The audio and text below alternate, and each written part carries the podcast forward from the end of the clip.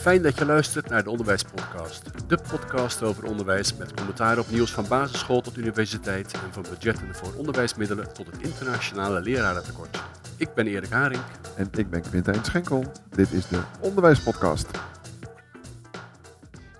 Erik, waar gaan we het deze week over hebben? Nou, het programma van deze podcast. We beginnen zo meteen met een aantal nieuwsflitsen. Dat houden we heel kort. Maar we hebben ook onderwerpen waar we langer over gaan spreken. En een van de mooie onderwerpen is het lerarentekort. Uiteraard een belangrijk onderwerp. Maar we gaan ook praten over burgerschap in het onderwijs en over het imago van het onderwijs. Nou, mooi, interessant. Um, nou, Erik, dan jouw nieuws. Wat is jouw eerste nieuwtje van deze week? Mijn eerste nieuws gaat over het Stella Maris College in Meersum. Dat heeft besloten om het komende schooljaar deels met het onderwijsconcept Kunstkapskolan te stoppen. Drie jaar mhm. geleden hebben ze het ingevoerd, hebben het systeem uh, opgelegd aan leerlingen. Maar nu blijkt na drie jaar dat er een forse leerachterstand is bij de leerlingen. En uh, bovendien heeft de onderwijsinspectie de school aangemerkt als zeer zwak. Ah, ja, dat is jammer, want um, zo ging het ook met de Iederwijs uh, scholen. Er is een nieuw concept. Ik vind het heel leuk dat er geëxperimenteerd wordt in het onderwijs met, uh, met concepten. Ja, en als dat gewoon niet goed wordt um, geïncorporeerd in zo'n organisatie, ja, dan weet je eigenlijk van tevoren dat het niks wordt. En dat vond wel heel erg jammer eigenlijk. Um, ik had nog een item over de zomerscholen. Het aantal zomerscholen groeit. Uh, zowel op uh, voortgezet onderwijs als uh, primair onderwijs. En eigenlijk um, ja, vind ik dat wel leuk. Een mooi moment om kennis op te vijzelen. Nou, dat klopt. Ik denk dat zo'n school erg goed is voor leerlingen die een achterstand opgelopen hebben. En die kunnen in die weken zomervakantie die achterstanden, denk ik, wegwerken. Ja, nou, ik las een leuke column van Linde Akkermans. En die zei, die had leeshuiswerk opgekregen in de vakantie van de juf. En goed, Linde die deed het al lang met haar kind. En die zegt, ja, eigenlijk gaat het leuke er een beetje af omdat het nu moet. Dus nu is het opeens niet meer zo leuk. Uh, maar volgens mij is het heel erg nodig voor degenen die een achterstand uh, hebben. Dus ik hoop dat ze uh, allemaal heel hard aan het lezen zijn geweest. Nou, lezen is sowieso heel goed volgens mij. Het maakt niet uit wat ze lezen, als ze maar lezen. Zeker. Dan heb ik nog een, uh, een leuk Twitter-draadje van vorige week. Er was een poll op Twitter mhm. over uh, mensen die in de laatste week van de zomervakantie waren en uh, vooruitblikten naar hun nieuwe schooljaar. En gevraagd werd van, ga je in de laatste week al aan het werk voor je school? Nou, er waren 400 mensen gevraagd. Zo. En 56% daarvan zegt, ja, dat doe ik. Maar ik heb mij verbaasd, want daar kwam ook het woord terug, dat doe ik in mijn eigen tijd. Nou, dat heeft, heeft, me echt wel verrast, want volgens mij doe je voorbereiden altijd in je eigen tijd.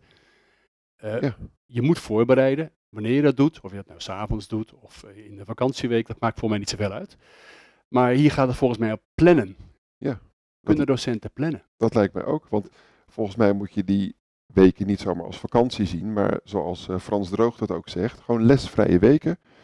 Uh, acht weken of zes weken zomervakantie is natuurlijk ongelooflijk veel. Uh, iemand in het normale bedrijfsleven heeft er drie misschien vier.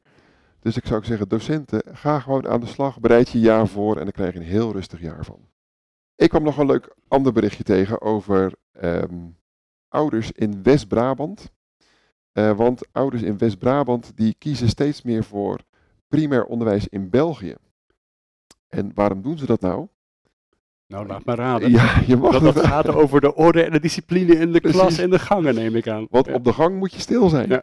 En uh, nou, er stond van de week ook weer een artikeltje in uh, op degroene.nl. Um, ehm, het bleek ook uit internationaal onderzoek. In Nederland is het een beetje uh, qua orde wat slecht gesteld in de, in de lessen. En daarom gaan de ouders wijken ze uit, in dit geval naar België. Ja, er zijn zelfs speciale trainingen voor in de vakantie geweest. Voor mensen die het afgelopen jaar hadden gemerkt dat de orde echt wel een dingetje is. Mooi, mooi item erbij was dat er stond: in Italië krijg je de orde altijd cadeau. In Nederland moet je ervoor knokken. Ja. Uh, nou, daar kan ik me iets bij voorstellen, maar je zult moeten zorgen dat er orde en discipline is in de klas. Anders gaat het leren volgens mij niet beginnen. Zeker. Nog een laatste onderwerpje ja. heb ik. En dat gaat over een onderzoek van de Universiteit van York. Niet heel veel in de pers geweest, maar toch wel grappig. Dat ging over nudging. Nudging? En, ja, nudging is een laag, low-profile manier van coachen. Dus een beetje een duwtje geven, to nudge. duwen, okay. ja. aanmoedigen. En dat we, is onderzocht, en ze hebben daarbij nudging onderzocht van sms'jes, uh, appcontact met mensen en heel kort persoonlijk contact. Eh, of dat bijdroeg aan de studieresultaten. Nou, Ja. onderzoek, eh, breedschalig, grootschalig onderzoek, en dat heeft uitgewezen dat eh, studenten er niet beter van gaan scoren. Oh. Sterker nog, ze gaan ook niet meer uren leren, maar ze leggen zich makkelijker neer bij matige resultaten. Dus eigenlijk Oh. is het een heel bijzonder resultaat. Geen, geen studieresultaten, maar juist acceptatie van studenten van laat ik dan maar genoegen nemen met een 6,5 in plaats van die gestreefde 7,5. Ja, ja. Omdat ze misschien beter realiseren dat ze niet zoveel gedaan hadden als dat ze zouden moeten doen. Ja, dus eigenlijk het nudging heeft, Ja. dus een, heeft het effect dat ze zich eh, neerleggen bij de feiten. Oké. En er was wel iets positiefs aan dat onderzoek volgens mij. Want de Ze- aandacht die je ja, krijgt, dat dat, is klopt. heel erg dat is een mooi punt. Ze waren erg blij met de aandacht die ze kregen van hun eh, nudgers. Erik, ander belangrijk nieuws van deze week is het lerarentekort. Ja, het AOB heeft becijferd dat er dit jaar een tekort is van 1700 FTE in eh, het basisonderwijs. Dat is veel. Ja, ondanks die extra instroom, dus zal dat tekort niet opgeheven worden. En eh, nou, dat is een groot probleem. Maar wat was het goede nieuws van deze week? Er zijn duizend zij-instromers hebben zich ingeschreven bij de, bij de PABO. Even als het gaat om de cijfers. Eh, normaal gesproken een derde valt in het eerste jaar ook alweer af. En binnen vijf jaar is de helft van de mensen die uiteindelijk beginnen eh, ook weer gestopt. Dus goed, die cijfers zijn op zich mooi, maar lang niet genoeg om het tekort op te lossen. Lang niet genoeg. Nu is het wel zo dat eh, het onderwijs niet de enige doelgroep is waar het tekort op treedt. Er zijn veel bedrijven die met tekorten kampen. Neem eh, de technische sector, de, de IT, de finance. Ja. Dus eh, het is niet zo heel makkelijk om te zeggen, eh, kom bij het onderwijs werken. Want dat roepen nogal veel partijen. Ja. Kom bij ons werken. Ja. De discussie in het onderwijs moet gaan over de kwaliteit van de mensen die er zijn. Ja. Dat is interessant. Daar moet je het over hebben. Ook die tegenstelling bevoegd en onbevoegd, die wordt veel eh, genoemd in de discussies. Dat is nooit het probleem. Het gaat om de kwaliteit. Of mensen nou bevoegd zijn of niet. je moet scoren voor de klas. Het moet goed gaan voor de klas. Nou ja, En precies. die En- discussie die wordt eigenlijk te weinig gevoerd. Nou, dat vind ik ook. En ook, hè, stel je voor dat er een docentenoverschot zou zijn. Ook dan geldt de discussie eh, eh, bekwaam of niet bekwaam. Ehm, en die moet je niet vermengen met dat lerarentekort. En dat gebeurt wel. En dat, op, op BNN, VARA was ook weer een column over. Dat, dat, dat wordt het weer door elkaar gegooid. Dus focus op dat tekort. En hoe kun je dat tekort nou oplossen? Nou, ehm, ik hoorde laatst ook een mooi initiatief dat er echt mensen van buiten het onderwijs, het onderwijs ingehaald worden. Eh, zomaar voor één, twee dagen in de week. Nou, dat is natuurlijk hartstikke mooi, want dan verklein je dat tekort ook echt. Zeker. Eh, maar volgens mij zit er ook iets in ehm, de opleidingen. Op een of andere manier gaat het niet goed op die opleiding. Uh, een van de punten die ik zelf meegemaakt heb bij besprekingen met lerarenopleiders, is dat er een soort hier een perverse prikkel zit bij die opleidingen uh, voor het binnenhalen van studenten. Ja, en binnenhouden. Dus er, er wordt heel erg geworven op de aantallen. Ja. En uh, ik weet niet of de opleidingen daar nou echt uh, zichzelf uh, goed mee doen. Nee, nee ik denk sterker dat um, hoe langer een student binnen de opleiding blijft, hoe meer er betaald wordt. Nou, dat, daar moeten we volgens mij van af. en het gaat erom, wat willen de scholen hebben aan kwaliteit voor de klas? wat wil degene die de opleiding volgt? wat verwacht die? En maak daar nou een hele mooie opleiding van. En um, daar begint het volgens mij met kwaliteit. En daar moet de discussie over gaan. Ja, ik hoorde uh, eergisteren een mooie discussie op televisie bij de staatssecretaris Bruins. Die sprak over het, uh, de gezondheidszorg en over het BIG-register. En eigenlijk zit daar een parallele discussie in. Er zijn uh, nu dus verpleegkundigen die allerlei handelingen uitvoeren en ook beslissingsbevoegdheid hebben. In de nieuwe plannen van die minister hadden ze uh, dat niet meer mogen doen, tenzij ze weer een opleiding gingen gaan doen. Nou, die mensen worden daar natuurlijk erg gefrustreerd door, want die voeren handelingen uit, zijn bekwaam, maar omdat besloten wordt dat er een gradatie komt, de een mag dit doen en de ander mag dat niet doen, laat je eigenlijk die mensen in de steek. En het punt waar het om gaat, de kwaliteit, wordt eigenlijk terzijde geschoven. Het gaat Ja. om papiertjes, het gaat om bevoegd en onbevoegd, en dan kom ik terug bij het onderwijs. Ja. Die discussie is niet zo heel interessant. Nee. Er zijn hele goede onbevoegde docenten en er zijn ook niet zo heel fraaie voorbeelden van docenten die wel bevoegd zijn. Dus kijk niet naar bevoegd, onbevoegd. Kijk naar wat je toevoegt in de klas, of je van kwaliteit bent. Nou, mooi. Erik, dan komen we toe aan het volgende onderwerp van deze week. Uh, een van onze luisteraars, Joris Arts, die stuurde een berichtje en vroeg om het volgende eens te bespreken. Waarom focussen we ons op extra taal- en rekenonderwijs, terwijl, volgens Joris Arts dan, essentiële onderwerpen als burgerschap, ethiek en empathie onvoldoende aan bod komen? Nou, Joris wordt op zijn wenken bediend volgens mij, want uh, dit najaar komt uh, het besluit over de inhouden van het burgerschapsonderwijs. Uh, Curriculum.nu mm heeft zich daar ook over gebogen. En, ja. nou, het is een hele mooie discussie, want wat hij noemt empathie en ethiek, nou, dat zijn best zaken die raken aan de opdracht aan het onderwijs. Ja. De opdracht aan de scholen is gegeven, er moet gesproken worden over het democratisch handelen. En daar praat je over hoe gaat het stemmen, wat betekent het precies met omgaan met vrijheid en gelijkheid? Hoe werkt het parlement? Hoe werken allerlei controleorganen? Wat is de vrijheid van de pers in dat vlak? Mhm. Eh, dat zijn de spelregels van onze samenleving. Dat is volgens mij uh, redelijk neutraal te brengen. En natuurlijk eh, is dat heel goed. Maar ik denk dat Joris vooral bedoelt hier zo dat het sociaal en moreel burgerschap.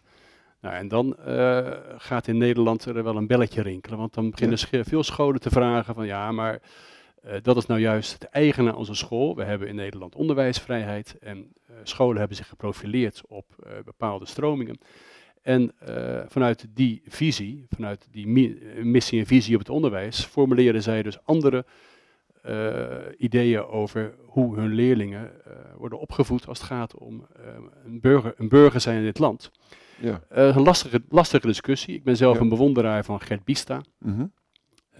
Bista die... Uh, Onderwijsfilosoof. Ja, ja, ja, ja.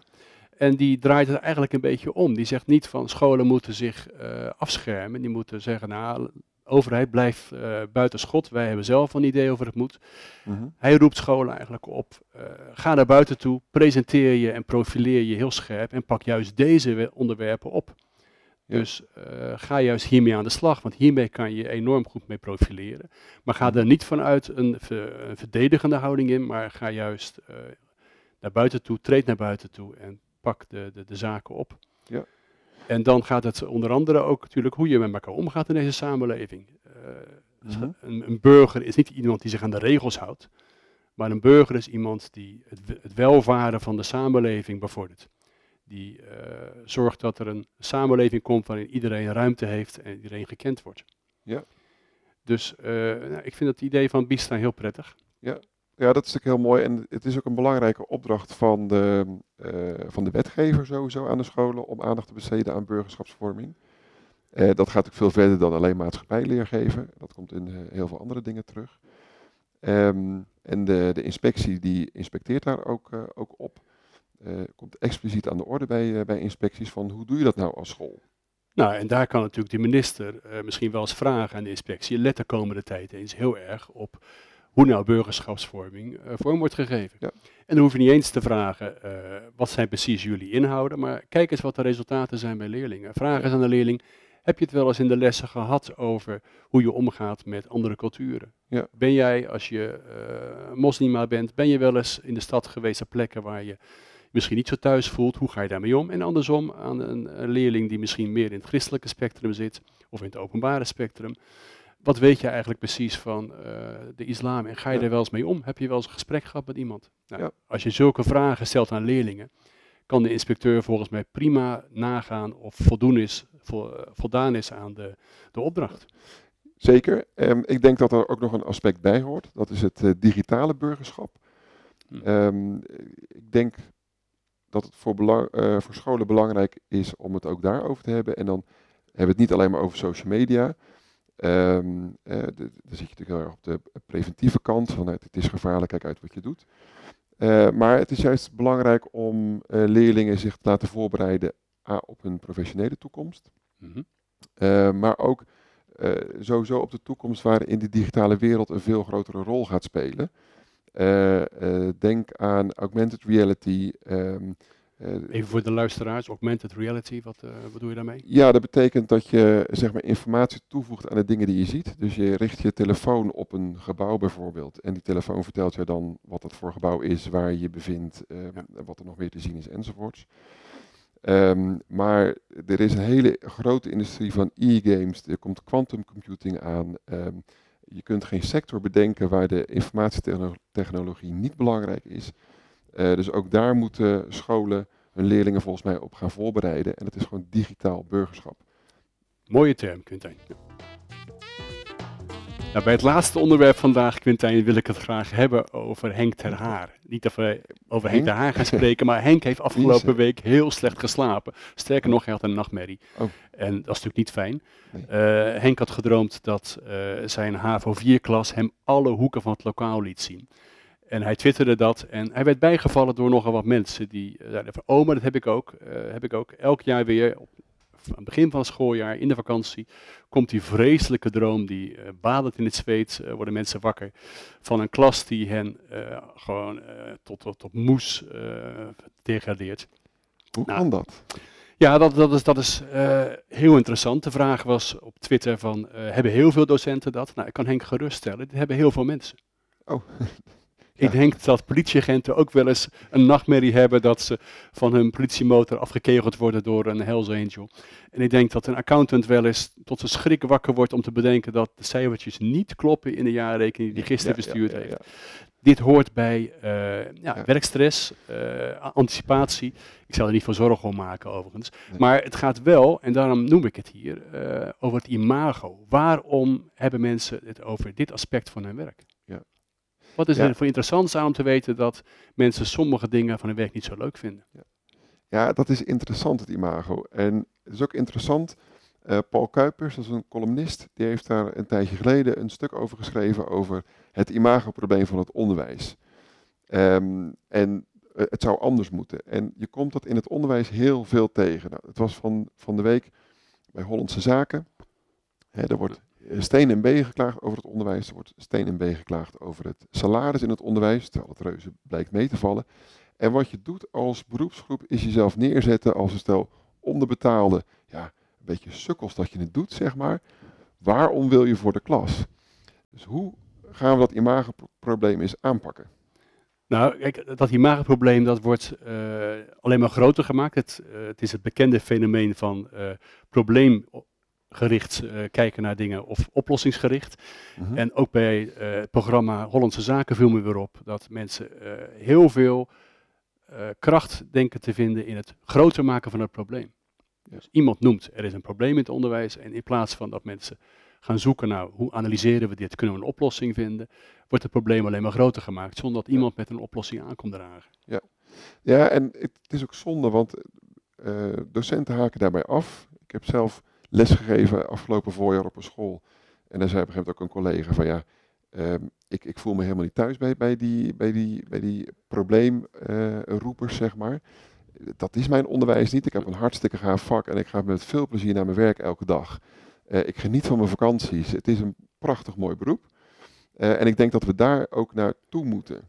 Dus het onderwijs is een hartstikke mooi beroep. Je bent met kinderen aan het werk, met jongeren aan het werk. Dat is ongelooflijk leuk.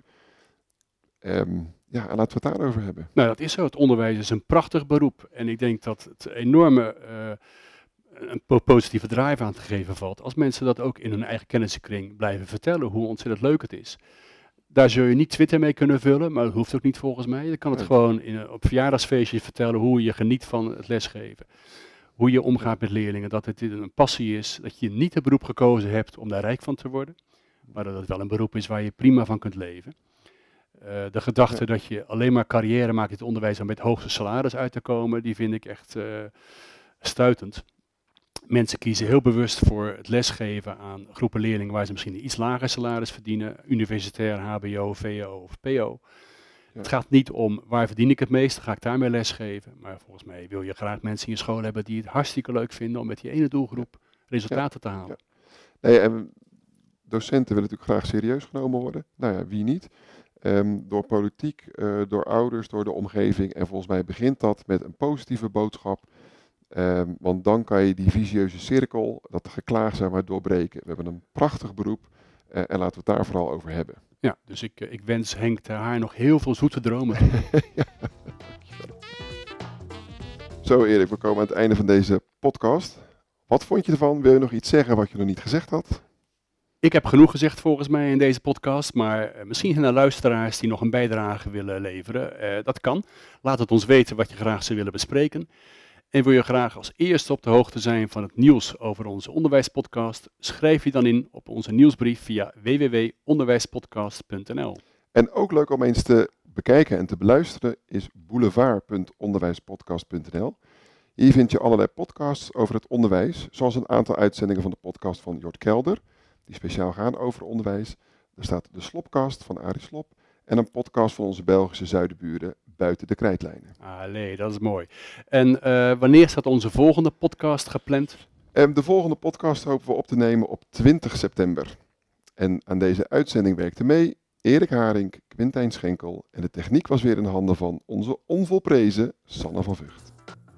Dank dat je luisterde naar de Onderwijspodcast. Kijk voor meer informatie op de website onderwijspodcast.nl.